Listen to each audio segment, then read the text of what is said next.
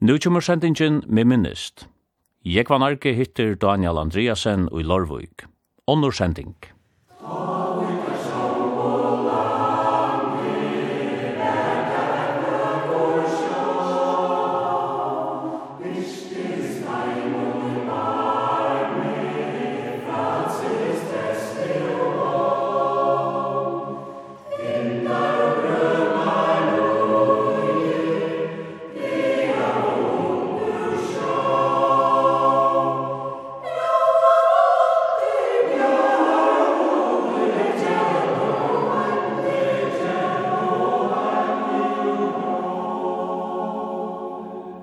Kvært hender så at du bløver 13-14 år gammel?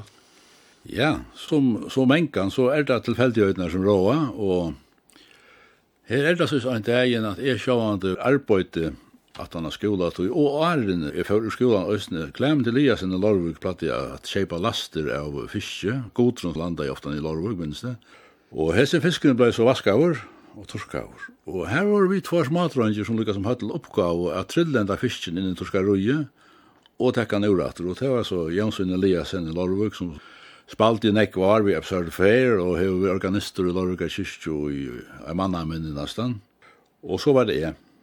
Og her var vi så om sommari, og så løyer og møter hesten. Ta knappt en dag i nu pikkar på dittna sjokk.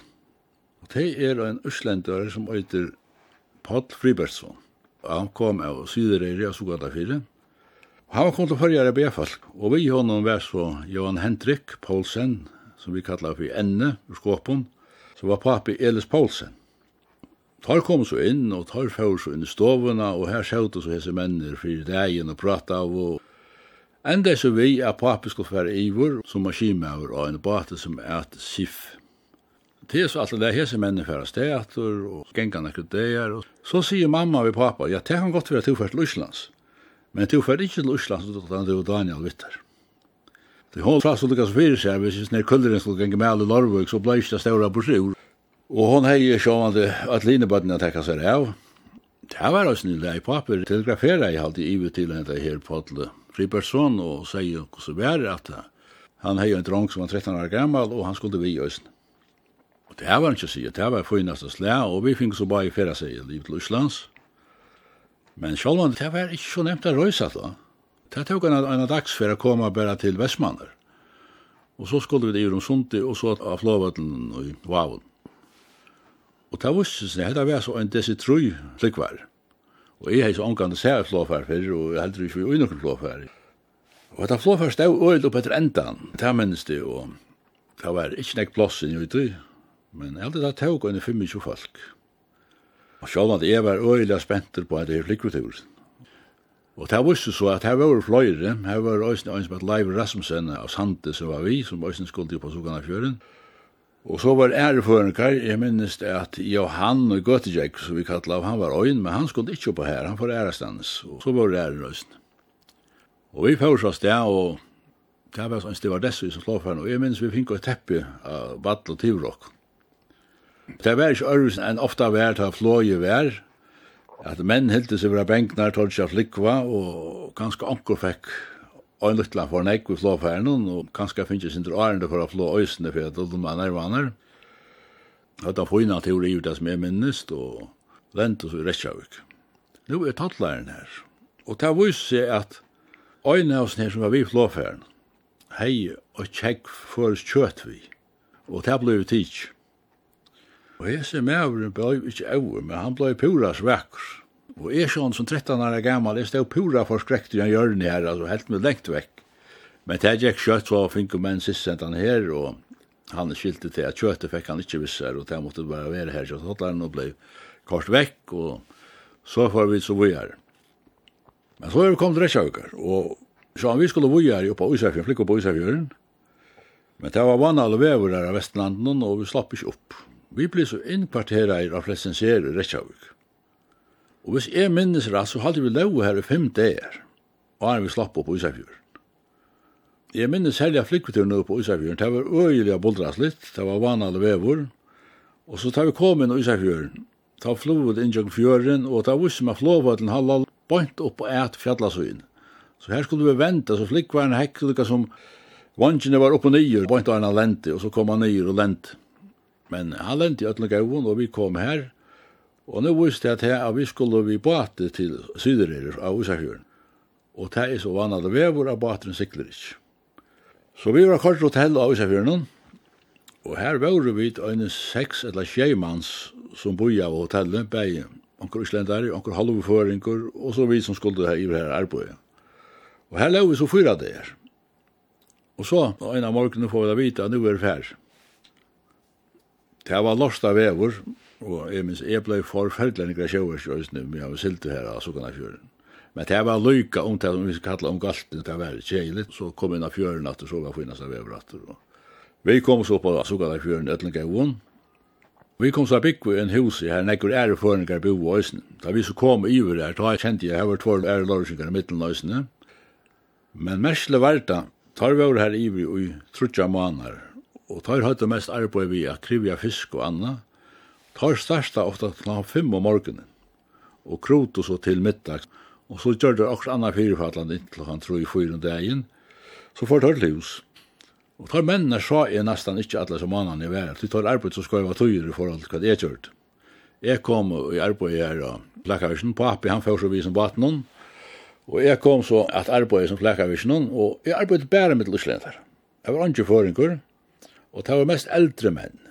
Ja, jeg kallar det for eldre menn, da tar kanskje ikke vermons og lukka. Det var en sånn tog her, sjálvand, jeg skilte ikke åtte år av tog i Torshøtto, og Torshøtto med Augustan Øyne, ja, han skilte først, men henne unga strautjen, han, han skilte han ikke, her var han ikke gjerra, han snakka så tutt. Men eh, jeg halte til at 18 av tverviker, så tåsa jeg uslengst. Og jeg tåsa jeg øyla godt uslengst. Så jeg minnes det, 17 at han var kommet høym. Da kommer uslenske trålaren Torskjell Maune av Beding og Skala. Og så sier han som var forma vimme om jeg skulle komme vissar om bord og at han skulle prata vitt. Jo, jo, jo. Og jeg prata så seg viss, det var kiparen og styrmæren. Og så sier jeg snäv kiparen, ja, hver i Usland jeg kom fra? Du, Uslendar, det var det, det var ikke snakk om. Jeg sier, nei, nei, jeg er føringer, men jeg har arbeid i Usland enn jeg tog jo, av Lars lært Uslands her og det som man lærer seg bare til noe kjøtt. Og det sitter rettelig fast, det islandske. Men det er ikke så funnet her vi arbeidet hos den flakkavisjonen, og det var øyelig kallt. Altså, det var oppe i minus 20 grader, og alt friste, nekve kave, det gikk det punter mye nesten det gikk til arbeidet.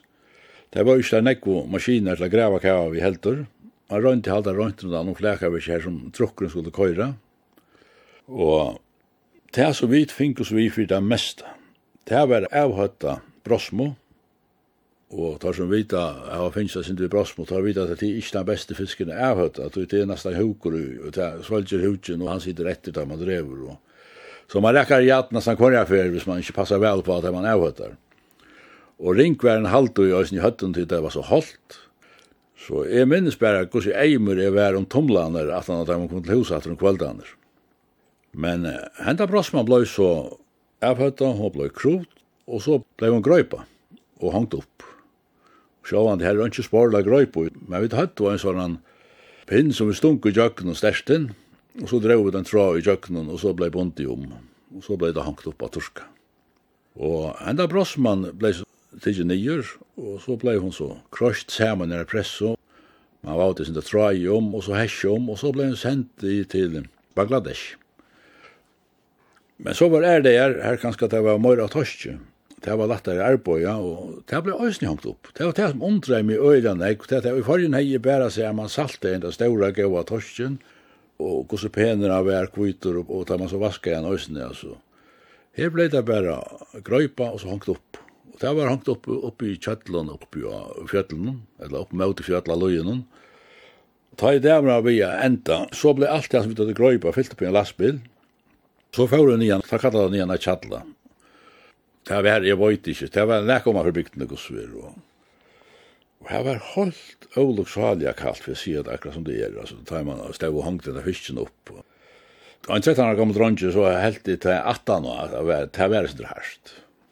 Men det er ikke tjekk Men jeg fikk øylega og hjelp. Det er Johan Hendrik, som er i veri i forrige åren. Han tåg hånd om. Jeg kom a byggva og kamer, sama vi hånd Så da jeg pappa var i sjøvnen, så var det Trai Johan Hendrik. Og han passet jo øyelig vel på. Han var øyelig gøy med. Han lykket som virke som en arbeidsform her i Ivre, og han sier alltid til, han skulle ikke letja mer av meg enn hva jeg talt. Og det er alltid øyne passet i. Han, han sier øyelig vel etter. Ikke så at jeg slapp av gengur med alle, jeg behøver ikke. Jeg skulle gjøre meg en oppgave, og hvis jeg ikke gjør det, så fikk jeg det vite. Så det var en gøy tog, men hinveien, da jeg husker om det 18 Og en 13 år gammal dronkur, ikkje livur a veksa, fer i til Íslands og i middelen pura fremman folk. Det kunde kjøtt gynge gæli, haldi jeg. Så jeg minnes da jeg sett vi til øyna dronjen som er til han var 13 år gammal. Da var det kanskje arman ikke sverere enn tummelen av meg. Så hugsa jeg, sida vi kona, jeg hei aldri og i verden funnet på å sende til dronjen i Íslands ønsamhållana arbeid til Lekkavis. Og det hei hun heldur ikke. Og hin var en løyve som var, kom atla kunne leia kvöld, her menn høyde veri av sjøvnen atla vikene, og så kom der inn, og det var kanskje vore en 30-40 manns. Det gikk ikke alltid så fri alt fyrs. Og her sættes ned smadronger midt i middelen, og hvers måtte jeg røyma at det ble sin herlig. Kom til kjøtt, til skeia. Jeg hadde ikke det bildet i alle gav, men... Men jeg vil si at det var en øyla gautøy, og jeg fikk øyla nekva viner her i huset og tar viner her vi stadigvæk, tar som er etter. Og her var det annerledes, det, er jeg minns da jeg kom ur flåfæren i Reykjavik første fyr. Nå helt, nå var jeg med vår. Jeg har ikke hatt rakt og sin drare, men det var ikke noe som pape visste noe om som så. Nå helt det, nå kunne jeg for røytja. Og jeg feste meg ui enn kamel, jeg kjøpte meg en kartong og likvaren. Så sier pape, altså hva gjørs du? Jeg er røytja. Så ble jeg ikke bare snakk om det. Men det er så kom jeg opp av Sokanefjøren etter man har vært i november måned, oktober, november måned. Jeg var ikke ung folk, og jeg var ikke av munnen alt, ikke åkt. Og så tar det narkas med Jævlen. Nå knapplig og det, nå er smekkfullt av unge folk. Så får jeg ikke vanlig å spyrja, var viste sånn til at alle disse unge som får vujer i 18 av badnaskolan, de får av en skola inn i Øsefjerdjupen, som var en kostskole. Og her var det de fire vetren, og så kom atter til jævlar, Og først og steg at han nuttjar og kom atter til postjer. Så var det skolar er livet til tøym. Og så førte jeg arbeid. Og det er sjåan det største av det så var det strautjen stand her ved sigarett, altså. Det var så tar jeg ved, og man har ikke lov å kjøpe sigaretter der i hus. For det var 16 år. Det var så, hvis jeg skulle kjøpe en pakke sigaretter, så måtte jeg ha en segel her på papi jeg skriver at jeg har lov å kjøpe sigaretter. Jeg rønte jeg spæra meg seg kartongene som jeg kjøpte, så langt som møvelig. Men einar så blei tom, så måtte jeg spyrja. Nei, gamle vil jeg ikke skrive under etter papur. Så var det gaura dyr. Jeg skriva i sin segel, og fikk så en uslendere skrive under. Og så fyrir jeg til handelsmann, og så så jeg hei heiet han segelen, eller han la ikke handelsmann, og jeg fikk så sigaretter da jeg bruk for det. Så jeg svärmar til jeg var 13 år, da jeg begynte å røyja faktisk. Jeg var faktisk ikke nekva gjerra til ikke arbeid var.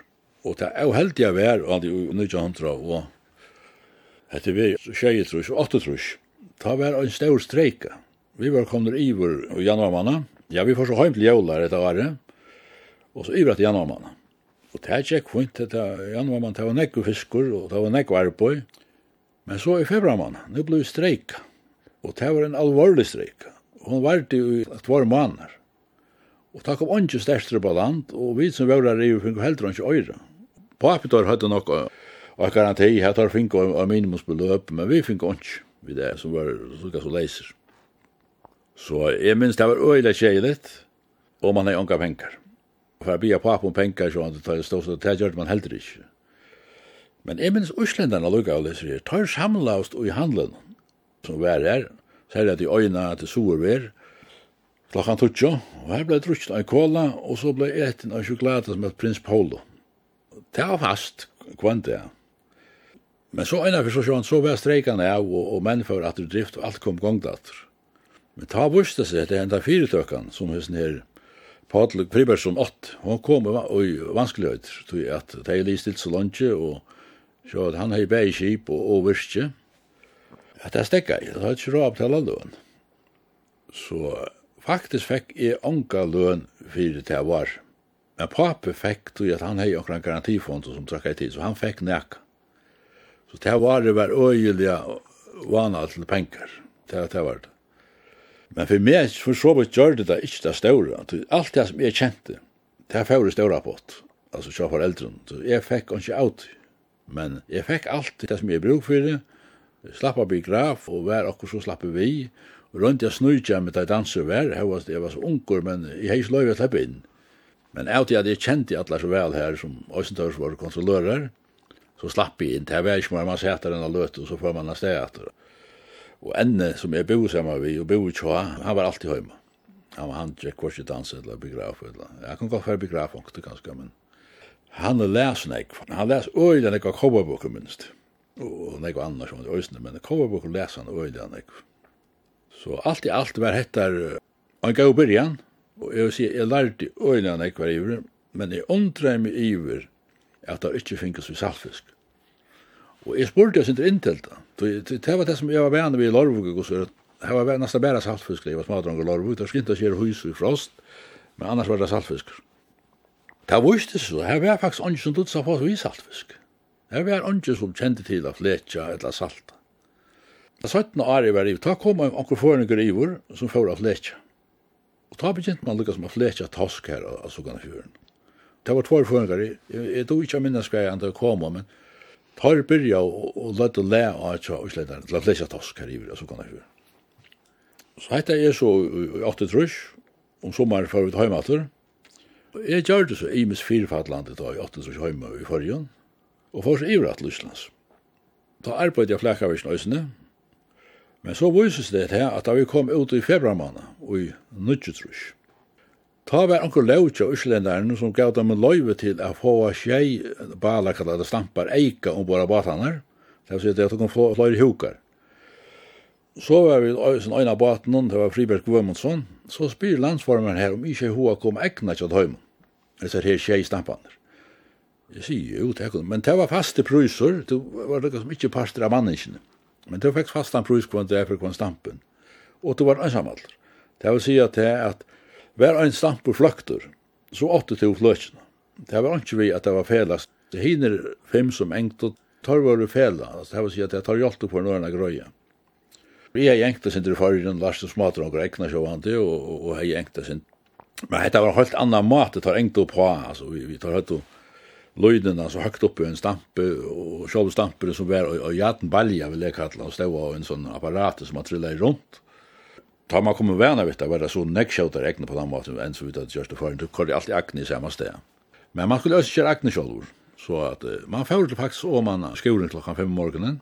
Jag kör akne och så det akne var skåre man skær syska til det som skal bruka til helten av den. og så får man ekna, og så blir enkt. Ofta var man lever klockan i 4 om dagen. Men är hej näck langt tid till byrja byrja vid en tid. Det var öra länge där. Og så tar kom satt inn det helst, det tar for ekna lotten. Ta tar man fra ikke egna, men det tar langt til ekna For man skulle krøy sig i tverfyrene, så hun ekk opp.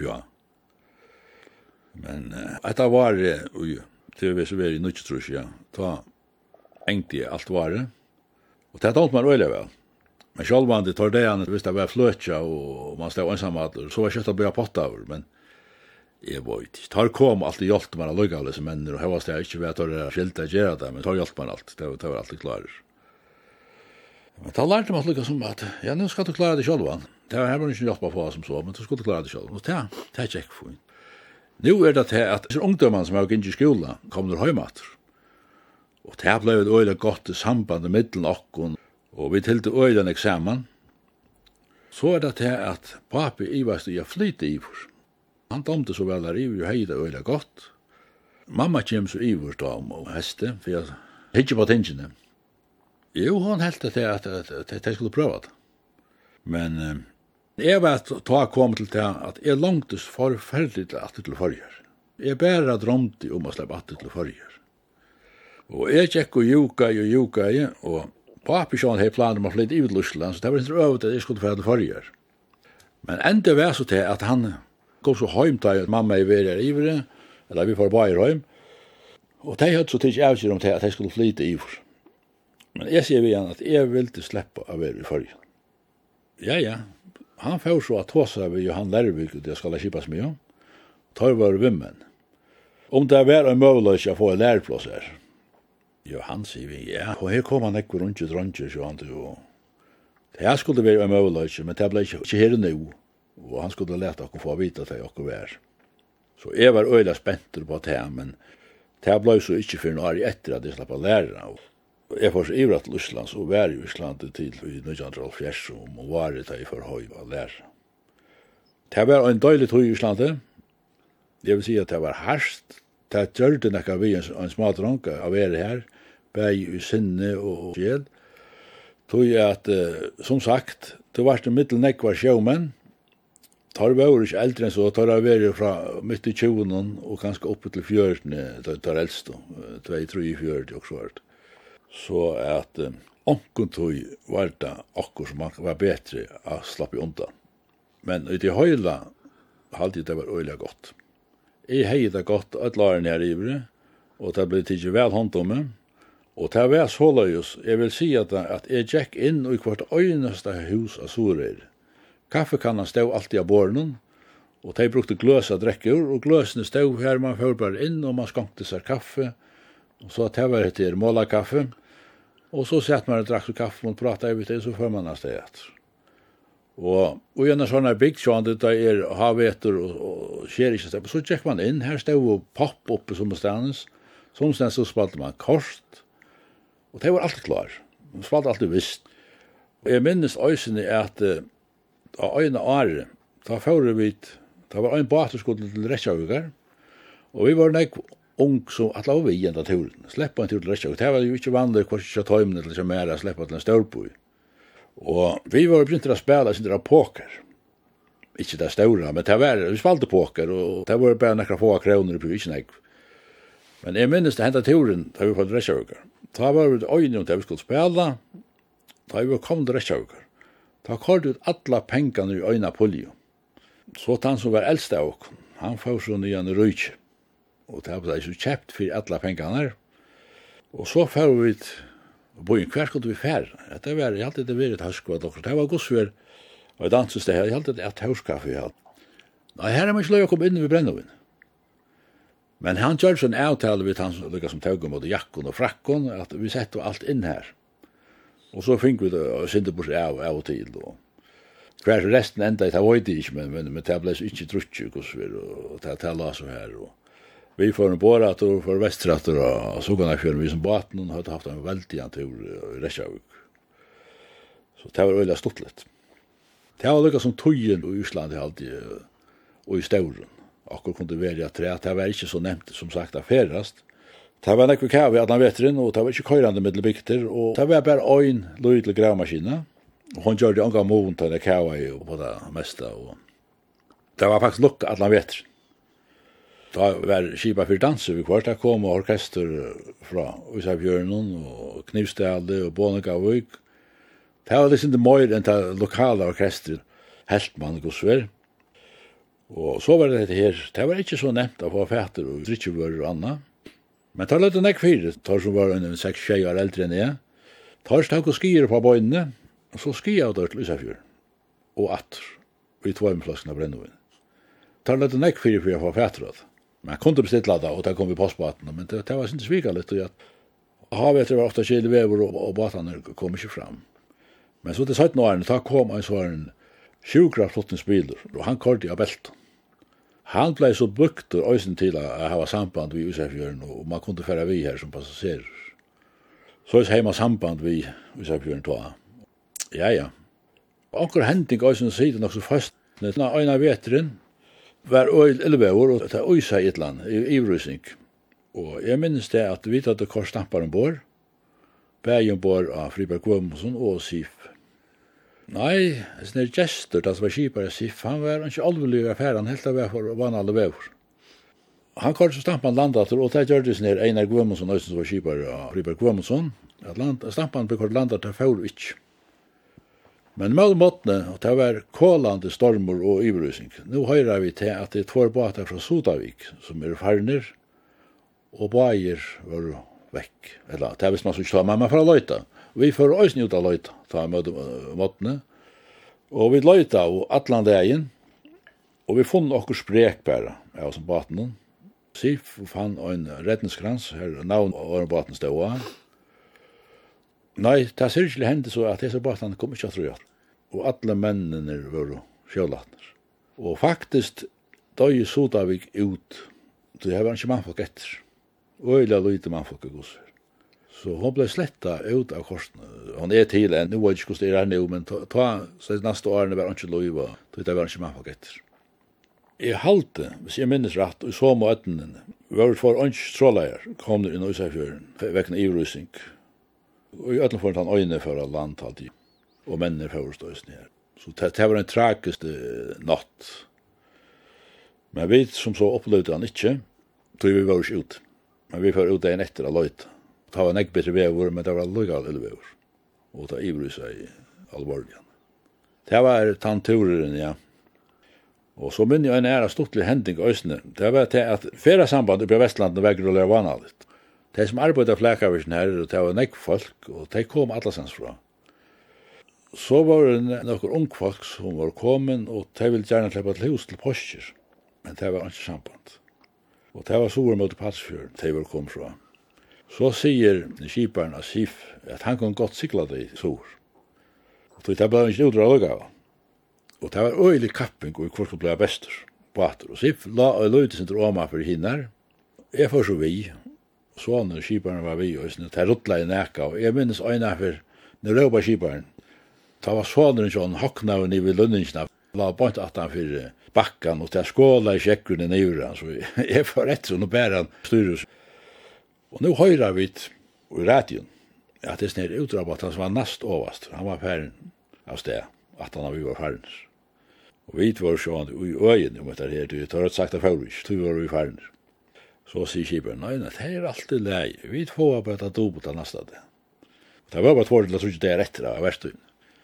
Og det er visse, nei, etter hei sif, dobot som nek som han baten hei bada igjen. Så sif la om at det var i enda jeg lukka og ble beste på. Ja, det er sånne stuttere hendinger som har vært, og alvarsligere øsene. Det har alltid vært her som var i Østland, i Stauren, trekken. Og så er det skala sipas mye? Ja, og så knapp jo ikke, jeg nå får i telefon på fra Johan Lervik. At det var et plass, letet å komme og lære. Jeg skulle begynne 1. mai i 1904. Og jeg sjål, man lett meg ikke si at tverferer, jeg var øyelig spentor. Men nu var det foreldrene som er i Østland. Og så skulle jeg se om det her til Havangsa Sabikva, og Jeg hei bo nek til ommoina. Mamma og pappa var gift, og vi var født av bo til ut i samme huset.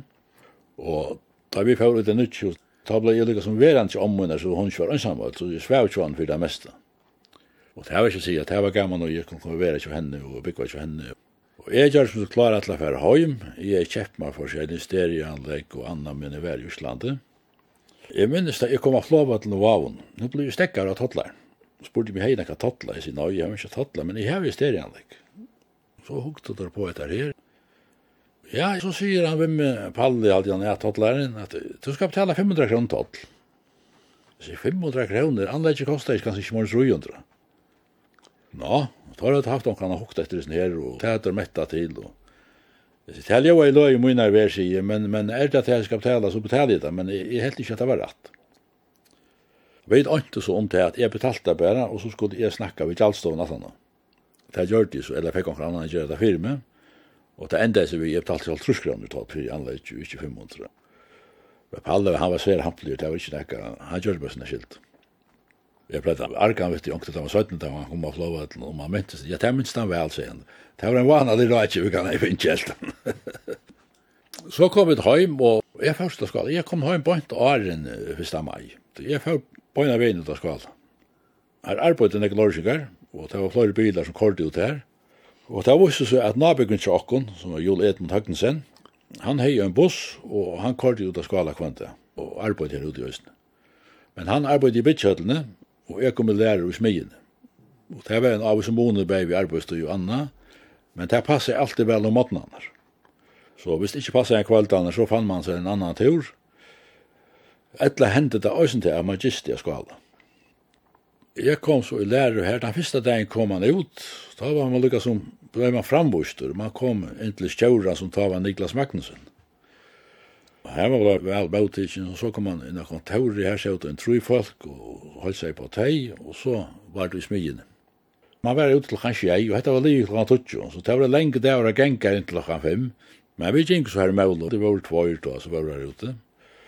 Og nekker av mine viner lærte her, Marius Jakobsen, Silverus Jakobsen, Tullingane Bayer og Paul Andreas. Jeg hadde vært tutsi lærninger, Ulla Berre Lorv, så var det kjipas min da.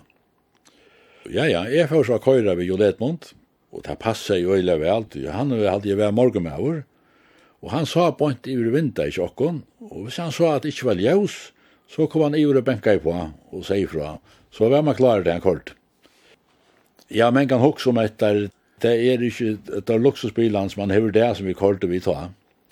Vi var å ta, som jeg minnes, det var en som heter Jekvansje Jule, som var Bocci Jule Edmund, som kortet vi. Og så Jansson Eliasen, som jeg nevnte i Johanne, som var Øystein Arbeid og Klement. Han var en, han lærte her i smyene. Og så var det en, og så var onker annar, det var skiftevis onker, og så kom Arbeid, kanskje stitt i jeg så, så kortet vi Øystein. Men dette var jo folk av folk, Rupprei, Og tar et luftkvalda motor, så tar høyt ikke til å selge varme djeve. Men vi hadde funnet på ra, vi hadde finnet noen primus.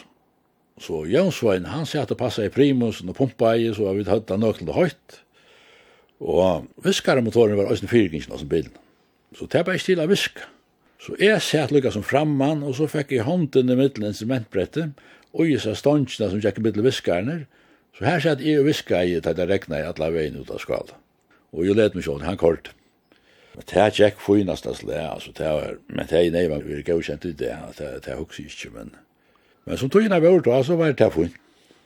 Vi tilte dere bare til det, og jeg kort vi jo lette mot meg i parten av inn i lærte jeg skvala. Så han, 17 tog inn, kom og så lærninga, vi ble sånn 18 år, fikk å køyre køyrekost, og så skulle man ha bil, og jeg minnes det at, vi fikk jo litt løn som lærninga, det, det var ikke det store, Ivetøyna finner vi et arbeidsmann lønn, så vi arbeid nek vi ivetøy. Og så var det vi kvarst av vi arbeid akkord. Ta var det byrja til at fyrre var det så løys at man fikk bare prosentvis etter lærningalønn av ivetskåten. Men så, jeg halte ikke sige for nek, men jeg halte ikke sige at Karla Magds Olsen i Lorvik var en av de svøynene som tutte øtelig vel å få lærningar arbeid. Og han sier vitt, ja, arbeid til som jeg vil, så skulle de få fullt ivetskåt av akkordene. Og sjálf han blei lærningan øyla grammer og raskir, og tar arbeid og, og hetta smitta jeg av sær. Æres vøynar vildi ikke sant atta fyrir hennan her mannen og gau og det samme. Og jeg minns øyna fyrir det var, da vi bygd og stenbasanar. Da høyde vi lika som arbeid at letja oljerørene til spølen, sveisa det og letja det. Ta var bara ein vøynar, og vi var två lærningar, Sibers Jakobsen og jeg. Sjálf han til akkorden var rakna ut etter handverkarløven. Og ta vit nu er littne vi arbeid, Nu visste nu løyper så øtelig han ikke av, og vi tatt trekk så løyde nyer på akkordene som lærninger. At uh, man er ju hoa trekk i landet, man får minka seg akkordene. Og så skulle diskusjonen hva skulle lærningene få, at det tar hatt ikke rett til å få om en prosentvis av lärningarna. Men ta minnes det Niklas Magnusson sier, som tar var kjøren, nei, nei, tid av just en avtale, det stender ångastenes ui, om det skal være lärningar eller det skal være Här Hese lärningarna har gjort et godt arbeid, og tar ikke få løn for arbeid. Så vi fink og fullt i ivskått av seg her akkordene, og gjør det kopp. Det må jeg si, og gjør ordentlig kopp. Det var et godt utkast. Jeg minnes nekka 17, da kjøpte jeg meg en bil, en Rambler Amerikan. Kjøpte jeg fra en som heter Johans Eier Gøtt. Det var årene for køyrekort, kjøpte jeg, så jeg slapp ikke køyre av inn, men sikker på ikke på en heian så i havn, inntil jeg fikk køyrekort. Men Trobologi var sånn, han er jo en stauran 8-cylinder motor og brukte nek bensin. Og som lærning og heimann ikke alltid tar nek pengene, så det var kanskje ikke råd å kjeipa så nek bensin. Men det er tjekk godt. Det er var ensamhet, som sagt, papi og mamma bo i Island, så jeg heier bare tar pengene som jeg forkjente. Det var ikke vi at jeg blir om hjelp fra foreldren, og amma sjån var ikke, og det er luttla hon hei, det var nok til å halde husen i høyt og, og, og mæt. Og vi fikk så vidt jeg minnest 45 kroner i vikene, Og der fører hvis man kjøpte døvran, så kostet han 25 kroner i vikene, og 25 kroner kostet det køyra, så nå var det 25 etter. Og kjøpte man en tobakspakke av og til, så var det affær, og det gjør det. Så det var ikke penger, men vi fikk det som fikk vi, i og det fikk vi så klara av. Og menka var ekkert tømlet til bensintankene. Jeg minns øyne for jeg var ferdig en biltur, det var nekra våagenter var kommet til Fuklaferie ferast, og jeg bjør dem på en biltur, og vi kørte rundt og så. Og innanför kom ut til dølen og teka. Nu begynner han å hakka og stekkar. Her kom en annan bil for oi, han får stave damen og jeg stave etter min damen bensintanka.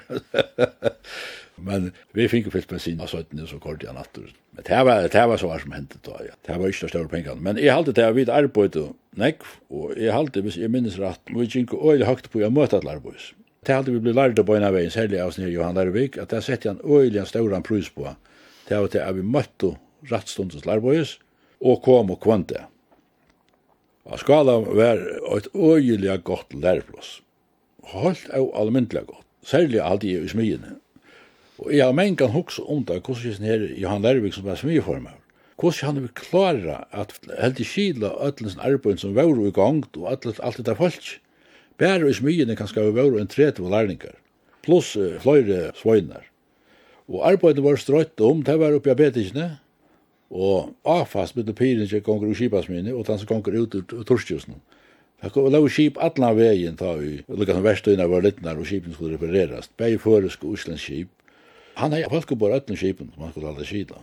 Det var ikke telter, det var ikke telefoner, Anker tøy hadde der akkurat sånne råpar at han rundt råpar, men det rikka jo øyla kjoltan, og øyla ytlan ofta var man møtte henne, så hei man ofta spyrjum, og så hei henne krit i lomman, og så blei kruttla nir av kajina, og så og så og så skulle det gjerast. Det var teknikan man hei arbeid etter. Men det gikk øyla godt. Det var øyla interessant arbeid, og man lærte holdt av allmyndeligan, alt. Så man kommer ut, og så blei man satt kortet til som vi kallar for Vatikanen. Og det var sånn sveiseskuld som var her, og her blei det sett under håndtja Karl Veie, som var slektar och selatra, som var sveisformaur. Og det er han som sier godt for at nå dotter man så mye vel av sveisa, man kunne fære at arbeida åttan ek og, og gjøre en sveising, og, og det skulle være gjort. Så fører man ut svina, så ble man dølt rundt, og en av tog så hei man akkurat arbeid som er vi sveising at gjøre, og en av tog så hei man dreying, og en av tog var man i eldsmine, og nekra måneder var man så i bytjøttene i Østene for å få lykkes med å smakka at hun gikk fyrir seg her. Det var øyla lærrukt. Det gjør det også det, altså, 17 av en av livet. Da er man veri i jøkken nesten alt ting som kunne huksast å komme fire og en kjip. Genka bæg, genka fire og skulle gjøres atter. Jeg minns, jeg var så heldig at jeg kom at arbeid inn i smyene sammen med Johannes Abeting, som var en gammal smyrmøystare, og som var spesialister bæg i adreia og som håndverkare i at arbeid. Og han så unga forringar. Det er bare alt til. Og hvis det ikke bare på en av veien, så kunne man finne taut. Sjá Johannes var en eldre maur, og han var ikke nakar maur som var vane vi, vi tekningar og anna. Jeg minnes til at hei skalamenn kjepte løv heppna, og han ble ombygd til skalafoss. Ta skulle gjeras av middelaksen, middelgiri og homotor. Men man kunne ikke gjøre en tekning av det, man slapp ikke til at mata ut hvordan det så ut inn i motoren.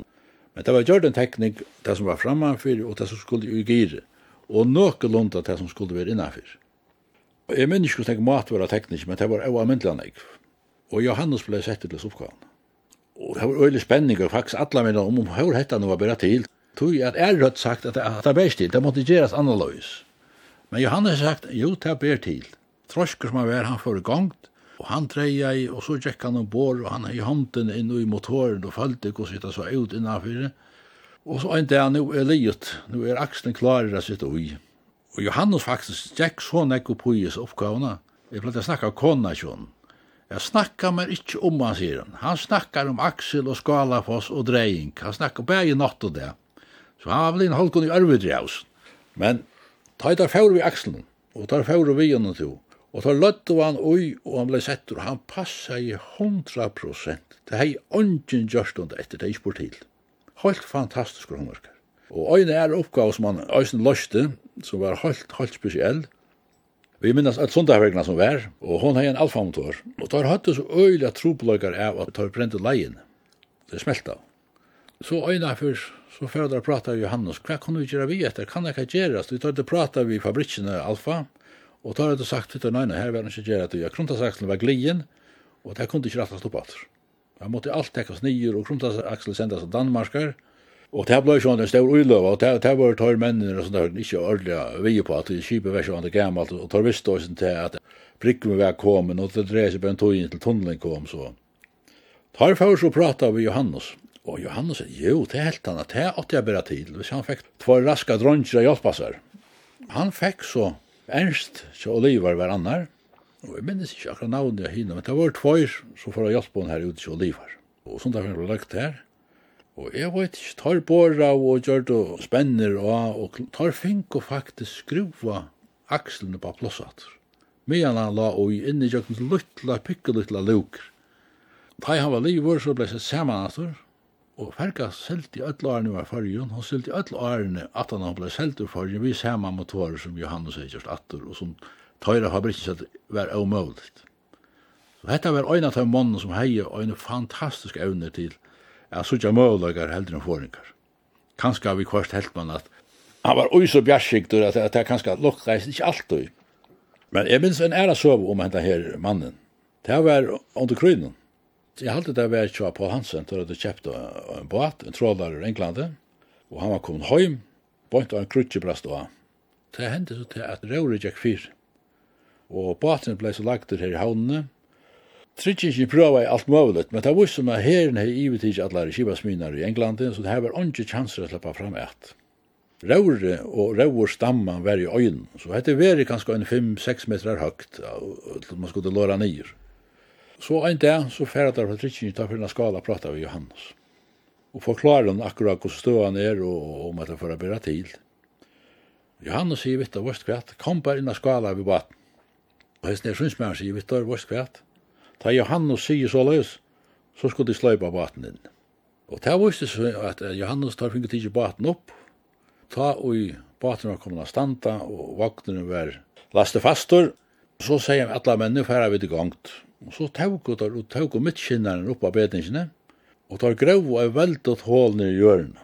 Og så er det at han finket låra røvor og stamm og nyer, og finket gjør skeian atter, hiva av et opp titt og hål i atter og lødde skinnaren ui atter og batna skjegg, og batren fiska i öll kruksvaren. Annars hei han li i öll åren. Så han var en utrolig framskikte maur.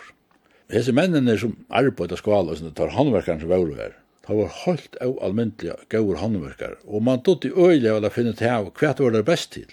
Altså, tar for gaur til å sveisa, tar var sette til til til som, og, og fink så hjelp fra øren, og dreia, tar var sette til a dreia, og, og mennene visste akkurat hva det skulle gjøre. Det var fast team som rattar i motorerna där och så nybygningen och så vart och och annars i hela hitch hade skala varit oallmäntliga stottligt och gott arbetslös.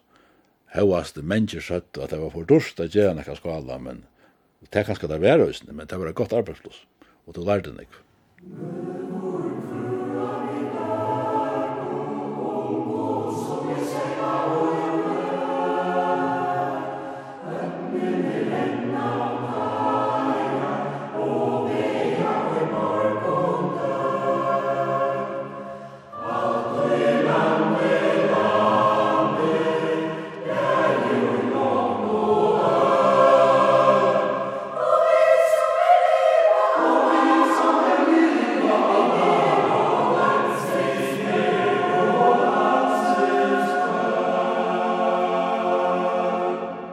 Jekvanarki hefur hitt Daniel Andreasen ur Lorvuk. Hetta var under sending.